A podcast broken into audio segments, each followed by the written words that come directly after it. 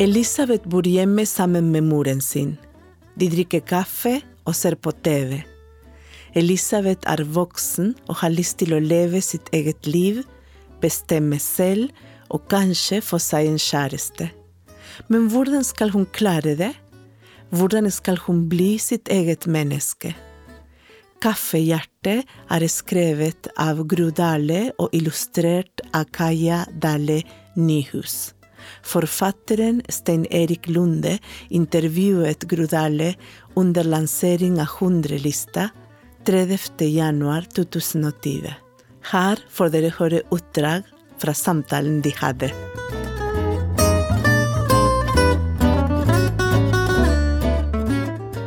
Kaffehjerte. Kaffehjerte. Og kaffehjerte. Har du kaffehjerte? Har du hatt Nei, jeg drikker ikke kaffe. Nei. Ikke det hele tatt tåler ikke kaffe. Jeg får hjertebank og får ikke sove på en, ja, en uke cirka. Nettopp. For- det er det det er. Altså, det gir hovedpersonen Elisabeth hjertebank og drikker mye kaffe. Eh, drikker kaffe i det hele tatt. Og så er det sånn som konferansieren har på en måte eh, lagt et tema for kvelden, syns jeg. Kjærlighet. Det tror jeg er det ordet han har sagt oftest. Det var veldig fint. Og det fikk meg også til å flytte opp eh, det temaet. For det er klart, den her også handler om kjærlighet. Eller i hvert fall kjærlighetslengsel. Ja, det er en kjærlighetsroman. Ja. Og om å bli voksen, flytte hjemmefra, sånne ting. Til å begynne med så eh, opplever jeg at den personen har en sånn enorm fremmedfølelse. Altså Hun er alene i verden, og hun lengter etter kjærlighet. Eh, kan du si noe om hva du liksom, hva, er det som, hva er det som stenger henne? Hun bor hjemme hos moren. Og det er nok det er det. er, ja, det er ganske alvorlig. Det er ganske alvorlig. Altså, hvis man bor hjemme hos moren lenger enn det som er normalt, da er det fare på ferde. Mødre de er de farligste vesenene som fins. Jeg er selv mor, jeg veit hva jeg snakker om. Man kan skyte en isbjørn, men man kan ikke skyte Altså, jo Fantastisk bok. Man, man kan ikke skyte far eller mor. Det er veldig vanskelig, i hvert fall. Eller vanskelig, det er i hvert fall mer ja. Men i hvert fall, det er vanskelig med mor. Å bo hjemme hos mor lenge over det som er normalt. Da blir det vanskeligere og vanskeligere å bli et eget menneske. Og bli seg selv. Og derfor blir hun veldig Hun er nok hemmet av den Egentlig er en snill mor òg. Mm. Det er Ja, ikke noe gærent med moren, egentlig. Hun er invaderende, er det det som er feil med disse mødrene? Det er jo ikke første Ja. gang du skriver om en mor. Nei, kontrollerende, invaderende har alle disse tinga. Og jeg, jeg har jo brukt meg sjøl på den moren. Jeg er nok den moren. Kjenner meg igjen i henne. Men eh, så hun greier jo å slå seg fri, da. Det er jo en slags sånn dannelsesroman, det her, ikke sant? Push and Og, pull. og hun greier det ikke aleine. For... Er, er det noe sånn eh, Er det noe med deg og det du skriver og dine bøker, at, det, at det folk greier seg ikke uten de andre? Kanskje, i hvert fall, er det vanskelig å komme hjemmefra. Det er vanskelig å flytte av sted. Spesielt når hjemmet ligger praktisk til. Altså Enten i forhold til studier eller i forhold til jobb. Eller, altså, hvordan i all verden skal man komme seg hjemmefra da? Da er det jo dette her med kjærligheten som da trekker henne ut hjemmefra. Hun har jo drømmen om å flytte hjemmefra, men å gjøre det og få det til Og nå er nok eh, hun Elisabeth eh, Hun er Ja, altså Kanskje Kanskje mamma har følt at hun burde nok bo litt lenger hos mamma. Altså Kanskje trenger litt ekstra støtte, trenger litt ekstra omsorg. Trenger litt ekstra pass. Kanskje hun har blitt 30 år, kanskje 32 år. Og så Ja, hun har lyst til å komme seg hjemmefra. Hun ser venner og venninner, og de har fått seg rekkehus, og der står det barnevogner utenfor. Og Ja, Hun har jo en bil, Katrine og- som hun ja. kjenner, men som vi ikke møter. Men, eh, Ikke møter, men hun vet om. Og da, da liksom hun ser at hvordan, det, hvordan samfunnet kanskje er for noen, da. Og så har hun aldri fått et kyss. Nei. Og det er eh, Det kretser jo litt eh, rundt det, føler jeg. Ja, ja. Eh, Så hun er hjemme hos en invaderende, kontrollerende mor. Mm. Og så går hun på jobben, og hun er jo ikke Hun føler seg jo ikke vel der heller. Altså hun, Uten at det står så mye om det, så har jeg følelsen av at hun, hun holder seg litt aleine, men så er det jo én person der, da. En arbeidskollega. Mari. Trengte du henne for å få teksten av gårde? Ja, altså det må, altså noen, en, en, en litt sånn støtte utenfor huset, ja. Da. Man trenger jo det. Spesielt når han er litt tafatt, han kjæresten også. Det er det han er. Og, og tenk å ha en kollega som, som Mari, tenkte jeg. For hun er, jo så, hun er jo så var, og hun forstår jo Elisabeth før hun forstår seg sjøl.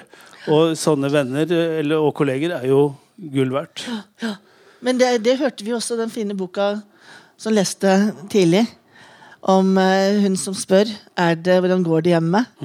Og det er jo er akkurat dette her med å være medmenneske, venninne, være kollega. Se den andre, se om det er noe, kanskje det er noe. Og spørre et spørsmål, kanskje komme med den omsorgen. Altså Det er mulig for oss alle, det, faktisk. Å være den personen. Og så er det jo Elisabeth. Da. Altså, hun er jo ikke noen særing, egentlig, men hun er bare litt eh, engstelig, kanskje. Litt eh, Ja. ja. Altså Det kan være en vanlig jobb, og det kan være en, en tilrettelagt jobb. Ja. Eh, Men han karen som hun, som hun etter hvert blir forelska i, da, og som blir et par, Falken, han er, uh, han er lenger utpå, er han ikke det? Han er uh, en særing. Eller Han Ja, holder seg altså, for seg sjøl. Ja, han holder seg for seg sjøl, men det er ikke sikkert han er noe så mye mer gærent med han enn med henne. Men han liker seg best på lageret, han. Jeg identifiserer meg litt med han. Jeg er Ja. også sånn som godt kunne tenkt meg å spise nista mi på lageret. Ja. Jeg er både moren og falken, jeg er ikke Elisabeth. Er du ærlig nå? Ja. Ålreit, da. Og så, men så eh, nærmer jo disse her seg, da.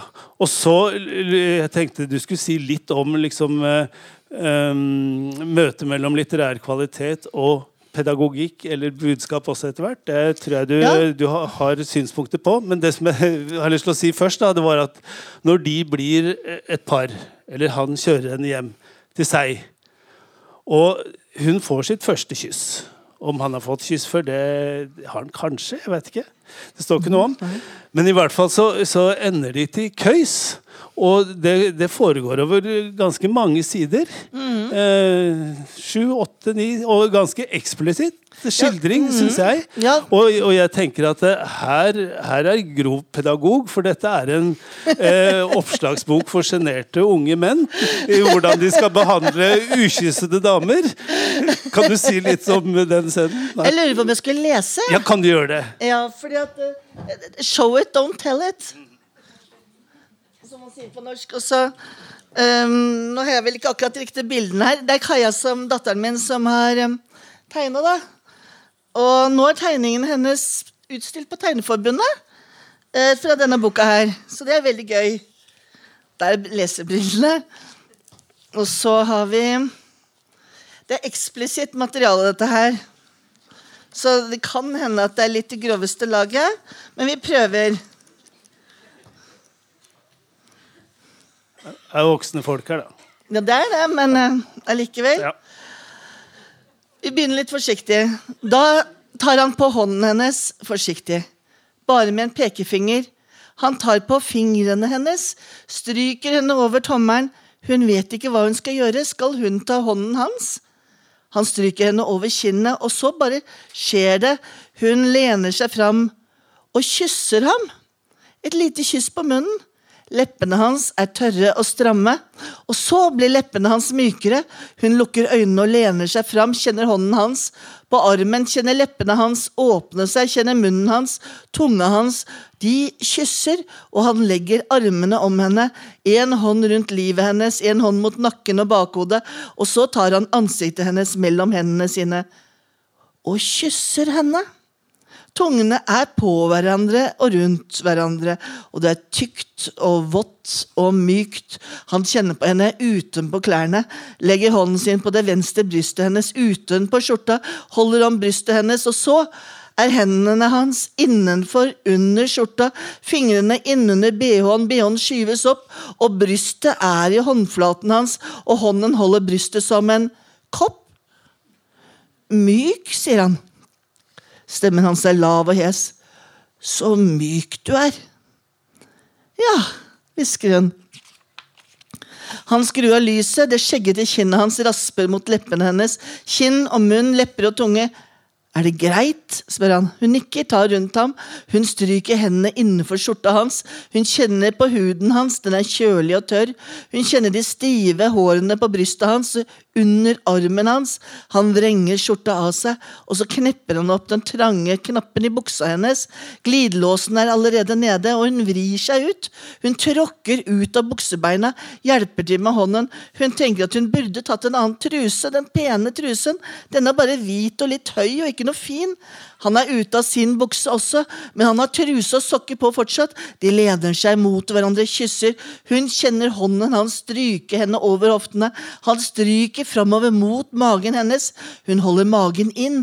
Han lirker hånden nedover, innover. Fingrene leter seg fram.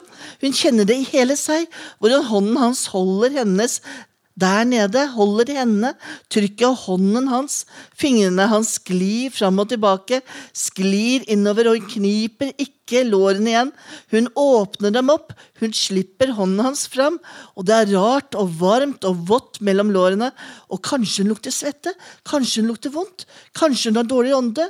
Hun snur seg vekk. Går det bra? spør han. Ja, sier han.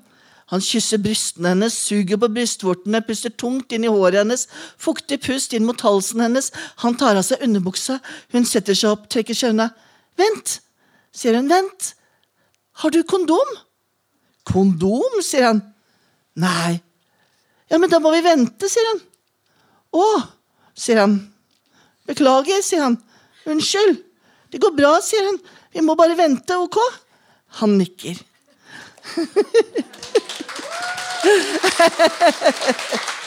Det, var, det er ikke bildebok for barn.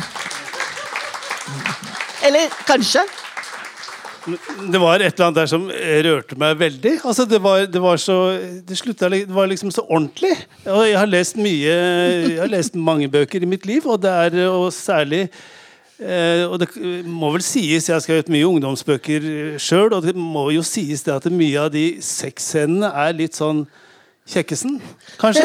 Men den her var så renslig og ordentlig. Og rørende, syns jeg, da.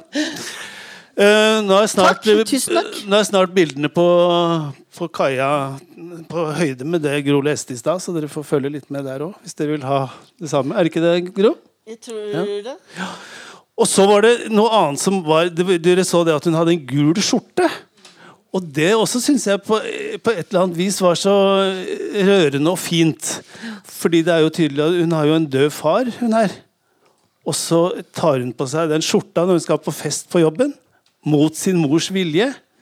Og så ender jo den etter hvert som gave da, til han Falken. Ja. Som, som, som, får den skjorta av henne, for hun syns den er så fin. En gammel, fargerik eh, herreskjorte. Det er, Ja. Det er den lille protesten hennes, det lille opprøret hennes hjemmefra. At hun tar den skjorta istedenfor den pene tøyet som mammaen har lagt fram da på senga. Ja, hun har til og med kjøpt en ny bluse til henne ja. som, hun, som, hun, ikke vil ha på seg. uh, en ting er prosessen du hadde med Lesersøkerbok og konsulentene her. Um, og deres krav eller uh, ønsker? Kompetanse. Kompetanse. Mm. Utrolig flinke til å skjønne hvordan lesesvake grupper kan tilrettelegges for. Mm. Mange ting som ikke jeg ville tenkt på. F.eks. det at man skal være så konkret. Helst ikke så altfor mye finurlige bilder. Altså så Tydelig, rett fram, forholdsvis enkelt språk. Ikke for lange setninger. Enkle, håndfaste, konkrete. Og det blir det også poetisk språk av, egentlig. Mm. Det enkle og konkrete. Mm. Ja, for det var det som var neste spørsmålet mitt, og der fins det jo selvfølgelig bare ett svar. Du vet jo hva du må svare siden du er her. Men det, kan det gå utover den litterære kvaliteten? For det er, det er jo ganske streng, strenge påbud du sier der. Det skal være luftig, det skal være lettlest, det skal ja, være tilpassa?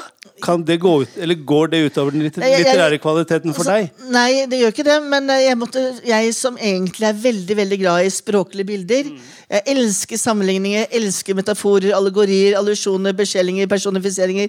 Sorgma, pentimento og pars pro toto. Ja, Det ligger en så tjukk diktsamling av Gro der nede. Jeg, altså, jeg elsker alle disse språklige finurlighetene i bildespråket. Og det måtte jeg bare legge fra meg. Slik at jeg, På en måte så er det en annen verktøykasse enn det jeg er vant til. Og der hvor jeg vanligvis pøser ut, så måtte jeg holde tilbake. Så det er en helt annen prosess for min del. Eh, Men ikke en pedagogisk prosess. Det var rett og slett en, en, og slett en, annen, en, annen, en annen kasse jeg måtte ta fram. Da. Og det var veldig veldig interessant og veldig lærerikt og kjempegøy. Jeg har erfart det samme en gang for mange år siden. Og var, jeg kom på en liten sånn anekdote nå, for Samuel Beckett, altså den irske dikteren, han skrev jo på engelsk. Han vokste opp i Dublin og debuterte på engelsk og skrev flere bøker fram til eh, 1940, til krigen.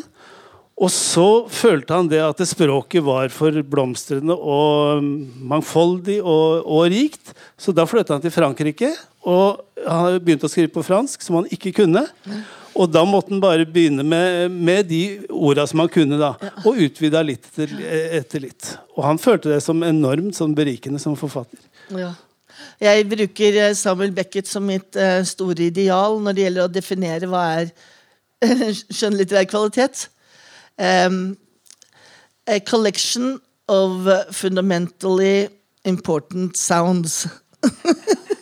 Syns det er Det veldig var fint. også også Beckett, dette hadde vi ikke planlagt. Altså, det her med Beckett, nei. Men jeg, jeg syns det er veldig fint med lesersøkerbok. For f.eks. i vår familie. Eh, av fem stykker, og tre forfattere, faktisk, eh, så, så er, eh, er det bare jeg som ikke har oppmerksomhetssvikt og dysleksi og diverse. Så jeg er den eneste leseren i denne familien. Og jeg, leser, jeg har lest for dem alle sammen, og da har det vært veldig fint også at det, at det finnes nå altså, For det fantes ikke da barna hos oss var små. Da fantes det ikke tilrettelagte, enklere bøker som hadde enklere språk. Og da har man jo ikke egentlig den muligheten til å lese sjøl. Så at jeg, at eh, jeg er veldig ekstra glad ut fra bakgrunn, min bakgrunn for at, det, at, at lesesøkerbok jobber så fint. Og den andre forfatteren i familien er jo da mannen Svein Nyhus. ikke sant? Og så er det dattera Kaja Dale Nyhus, som Ja. også har debutert som forfatter. Og som både har dysleksi og oppmerksomhetssvikt. Og som egentlig ikke leser. Så det, er, det, det at, det, at, at det går an å ha glede av litteratur selv om man har vanskeligheter med å lese sjøl, da.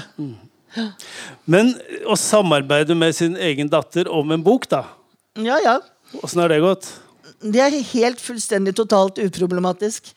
Um, det er fordi at um, ja, altså når, når hun sitter og tegner, og når hun satt og tegna dette her, så leste jeg høyt.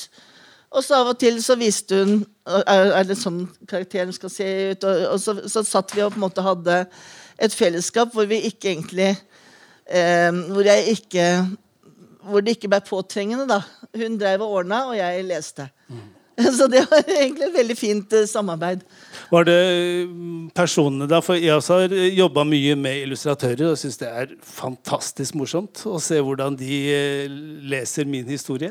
Eh, ser personene ut sånn som du hadde tenkt deg dem? Vi jobba ganske mye med Elisabeth. Mm. At hun skulle bli eh, nøytral nok, og at hun skulle bli eh, voksen nok. Og at hun skulle bli, vi, bli på en eller annen måte ta kontakt med leseren. Slik at hun skulle være um, Ja, at man kunne bli engasjert i henne. Så jeg tror nok at det var en eh, 60-70 Elisabeter før Elisabeth kom på plass. da Ja, for det er fort gjort at hun kanskje kunne blitt for tander, for skjør. Ja, Og det- og for rar. Og, og det var mye rare, crazy Elisabeter også, med altfor nærme øyne og øyne her og der, og firkanthoder og, og veldig mye ja, rare rariteter. Men hun her, her er ganske, ganske nøytral, da. Og menneskelig. Gro er jo en av de tøffeste damene jeg veit om. Altså er, du, du tør jo å skrive om alt. Det, det hørte vi jo i stad også. Altså om eh, siste, Boka før her den handla vel om nettporno, gjorde den ikke det? Rett og slett. Ja, et par år siden. Ja, øh, og, og det, er jo, det, er jo, tydelig at det, Og 'Sinna mann' er jo viden kjent. Den har dere sikkert vært borti. Uh, og du og du og Svein har jo, har jo tatt opp mange sånne problematiske ting. Uh, særlig kanskje knytta til familie. ikke sant? Og det er jo bøker som blir brukt også i, i terapi og i uh, familierådgivning. ikke sant? Og, her, og det er vel bøker altså Budskap det er jo ikke et sånt ord som vi forfattere er så glad i. Men, uh, men du, du, Man kan vel si det i en del av dine bøker at de har et Disse bøkene da, som jeg snakker om nå, at de har et budskap. Jo da, og, men jeg prøver jo ikke altså finne en balansegang mm. mellom det pedagogiske, psykologisk-pedagogiske og det kunstneriske. Mm. Eh, og det er alltid en litt vanskelig balansegang. Mm. Barnet og den voksne. At den skal være interessant for voksne, men også interessant for barn. Og omvendt. Og den skal være ja, kunstnerisk forsvarlig og, og, og interessant eh, kunstnerisk sett, men skal, eh, jeg har lyst til å ha en dimensjon som er på det pedagogiske nivået. Det kan brukes på et eller annet måte som en lykt eller lampe inn i mørke hjørner og ned i mørke kjellere. Og så er det også selvfølgelig det med overtydelighet og tilbakeholdenhet. Det er flere av disse bøkene her som, som, eh, hvor, hvor, det pedagogiske og det psykologiske eh, ikke er så lett tilgjengelig. Og da, da, er det egentlig bare historien igjen. Og det er fint, det også, men jeg liker veldig godt den balansen hvor dimensjonene skal være der for den voksne. Eh, og gjerne legger jeg inn jeg legger inn en psykologisk dimensjon og en sosiologisk dimensjon. Veldig ofte etterpå.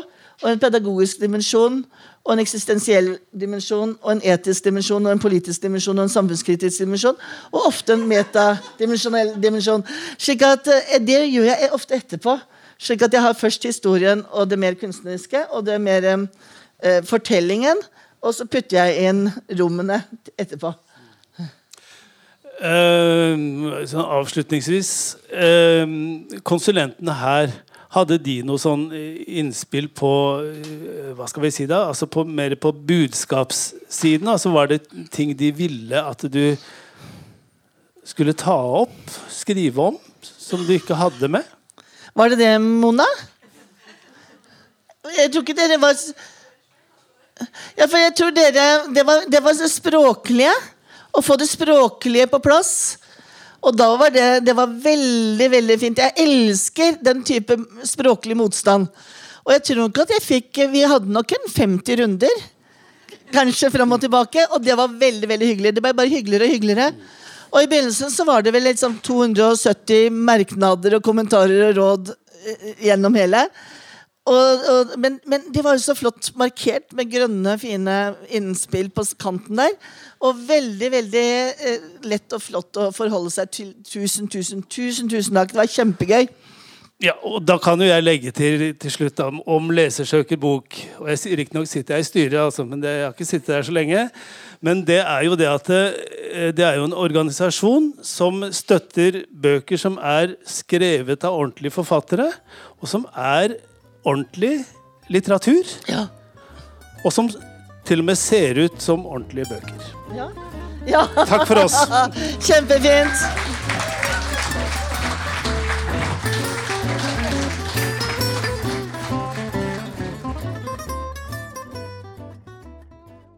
Primærmålgruppen til boka er voksne mennesker med utviklingshemming, men boka kan leses av alle.